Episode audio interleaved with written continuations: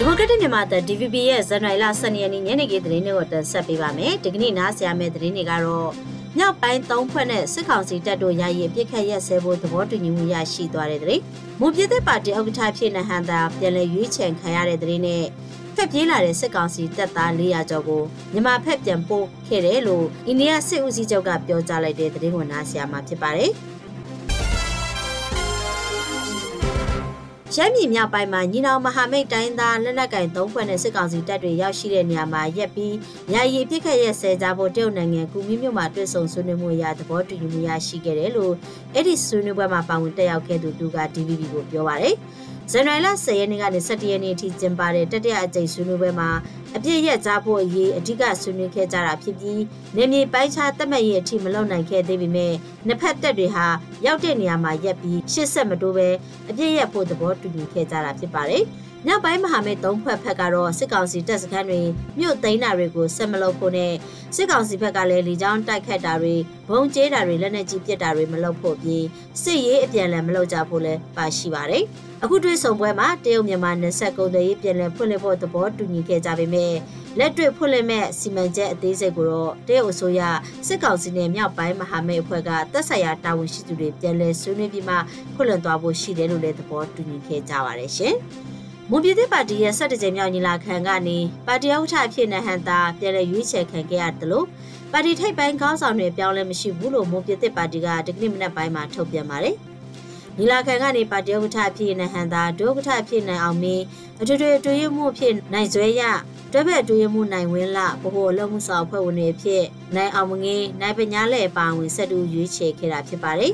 ညီလာခံကဗဟိုကော်မတီ35ဦးနဲ့အရန်ဗဟိုကော်မတီ6ဦးစုစုပေါင်း40တူကိုမဲပေးရွေးချယ်ခဲ့ပြီးအဲ့ဒီကနေဗဟိုအလုံးမှုဆောင်ဖွဲ့ဝင်7တူနဲ့ဗဟိုစစ်ရေးကော်မတီဖွဲ့ဝင်9ဦးတို့ကိုတူတူရွေးချယ်ခဲ့တာပါ။ဝန်နိုင်ငံရေးလေလာသုံးသက်သူတွေကတော့ပါတီထိပ်ပိုင်းခေါင်းဆောင်အပြောင်းလဲမရှိတဲ့အတွက်မွန်ပြည်သစ်ပါတီရဲ့ရည်တည်ချက်ကတော့တွဲဆုံဆွေးနွေးရေးနဲ့ဂျာနေမူဝါဒကိုဆက်လက်ကင်ဆွဲနိုင်တယ်လို့သုံးသပ်ထားပါတယ်ရှင်။ ပြီးခဲ့တဲ့နလအတွင်းစစ်ကောင်စီတပ်ဖွဲ့ဝင်416ဦးအိန္ဒိယနိုင်ငံထဲကိုထွက်ပြေးလာကြပြီးမြန်မာနိုင်ငံဘက်ကိုပြည်လည်ပို့ဆောင်ခဲ့တယ်လို့အိန္ဒိယတပ်မတော်အကြီးအကဲကပြောပါရယ်။ အိန္ဒိယတပ်မတော်နေမတိုင်ခင်ဇန်နဝါရီလ17ရက်နေ့ကကျင်းပတဲ့သတင်းစာရှင်းလင်းပွဲမှာအိန္ဒိယတပ်မတော်စီဦးစီးချုပ်ဗိုလ်ချုပ်ကြီးမန်နူဂျပန်ဒေးကပြောကြားခဲ့တာဖြစ်ပြီးအိန္ဒိယမြန်မာနယ်စပ်တစ်လျှောက်ကအခြေအနေကိုနိကက်စောင့်ကြည့်နေတယ်လို့လည်းပြောတဲ့အကြောင်းအိန္ဒိယသတင်းတွေမှာဖော်ပြထားပါတယ်။တော်လရင်တပ်ဖွဲ့တွေရဲ့တိုက်ခတ်မှုတွေကြောင့်ချင်းပြည်နယ်နဲ့ရခိုင်ပြည်နယ်တွေကစစ်ကောင်စီတပ်သားတွေဟာပြီးခဲ့တဲ့လအတွင်းအိန္ဒိယနိုင်ငံဘက်ကိုနယ်စပ်ဖြတ်ကျော်ထွက်ပြေးခဲ့ကြပြီးအိန္ဒိယဘက်ကလည်းရဲ့အနေငယ်ထိမ့်သိမ်းခဲ့ပြီးတဲ့နောက်မြန်မာဘက်ကိုပြန်လွှဲပြောင်းပေးခဲ့တာဖြစ်ပါတယ်။ ပြီးခဲ့တဲ့ဒီဇင်ဘာလ29ရက်နေ့ပလောဝဒေသရှိစစ်ကောင်စီရဲ့ point 3ခုခွန်စခန်းကိုရခိုင်တပ်တော် AA ကသိမ်းပိုက်ပြီးတဲ့နောက်စစ်ကောင်စီတပ်သား150ကျော်ဟာအိန္ဒိယနိုင်ငံမီဆိုရမ်ပြည်နယ်ထဲကိုထွက်ပြေးသွားခဲ့ပြီးစစ်ကောင်စီလက်တက်ကသွားပြန်ခေါ်ခဲ့ရပါတယ်။ထွက်ပြေးလာတဲ့စစ်ကောင်စီတပ်သားတွေကိုအိန္ဒိယဘက်ကပြန်လည်ပို့ဆောင်နေတာတွေကိုအပြင်းထန်ကန့်ကွက်ပြီးဒါဟာစစ်ကောင်စီကိုတစ်ဖက်တစ်လမ်းကနေအင်အားပြုစုပေးရာရောက်တယ်လို့ India from Myanmar ဖွဲ့ကစလိုင်းဒိုခါက DVB ကိုပြောပါတယ်ရှင်။ ထိုင်းနိုင်ငံချင်းမိုင်မြို့မှာကျင်းပတဲ့ပထမအကြိမ်နိုင်ငံတကာလာဟုနှစ်သက်ကူပွဲတော်ရဲ့ဒုတိယနေ့မှာထိုင်းနိုင်ငံဝန်ကြီးချုပ်ခွန်စေထာထူဝီစင်ကတက်ရောက်ချင်းမြင်ခဲ့ပါတယ်။နိုင်ငံတကာမှာရောက်ရှိနေတဲ့လာဟုတိုင်းသားတွေချစ်ခင်စီလုံးညညွတ်စွာမိမိယုံကြည်မှုထုံးနှန်းဆက်လာတွေကိုဝိုင်းဝန်းထိမ့်သိမ်းကြတာတွေ့ရတဲ့အတွက်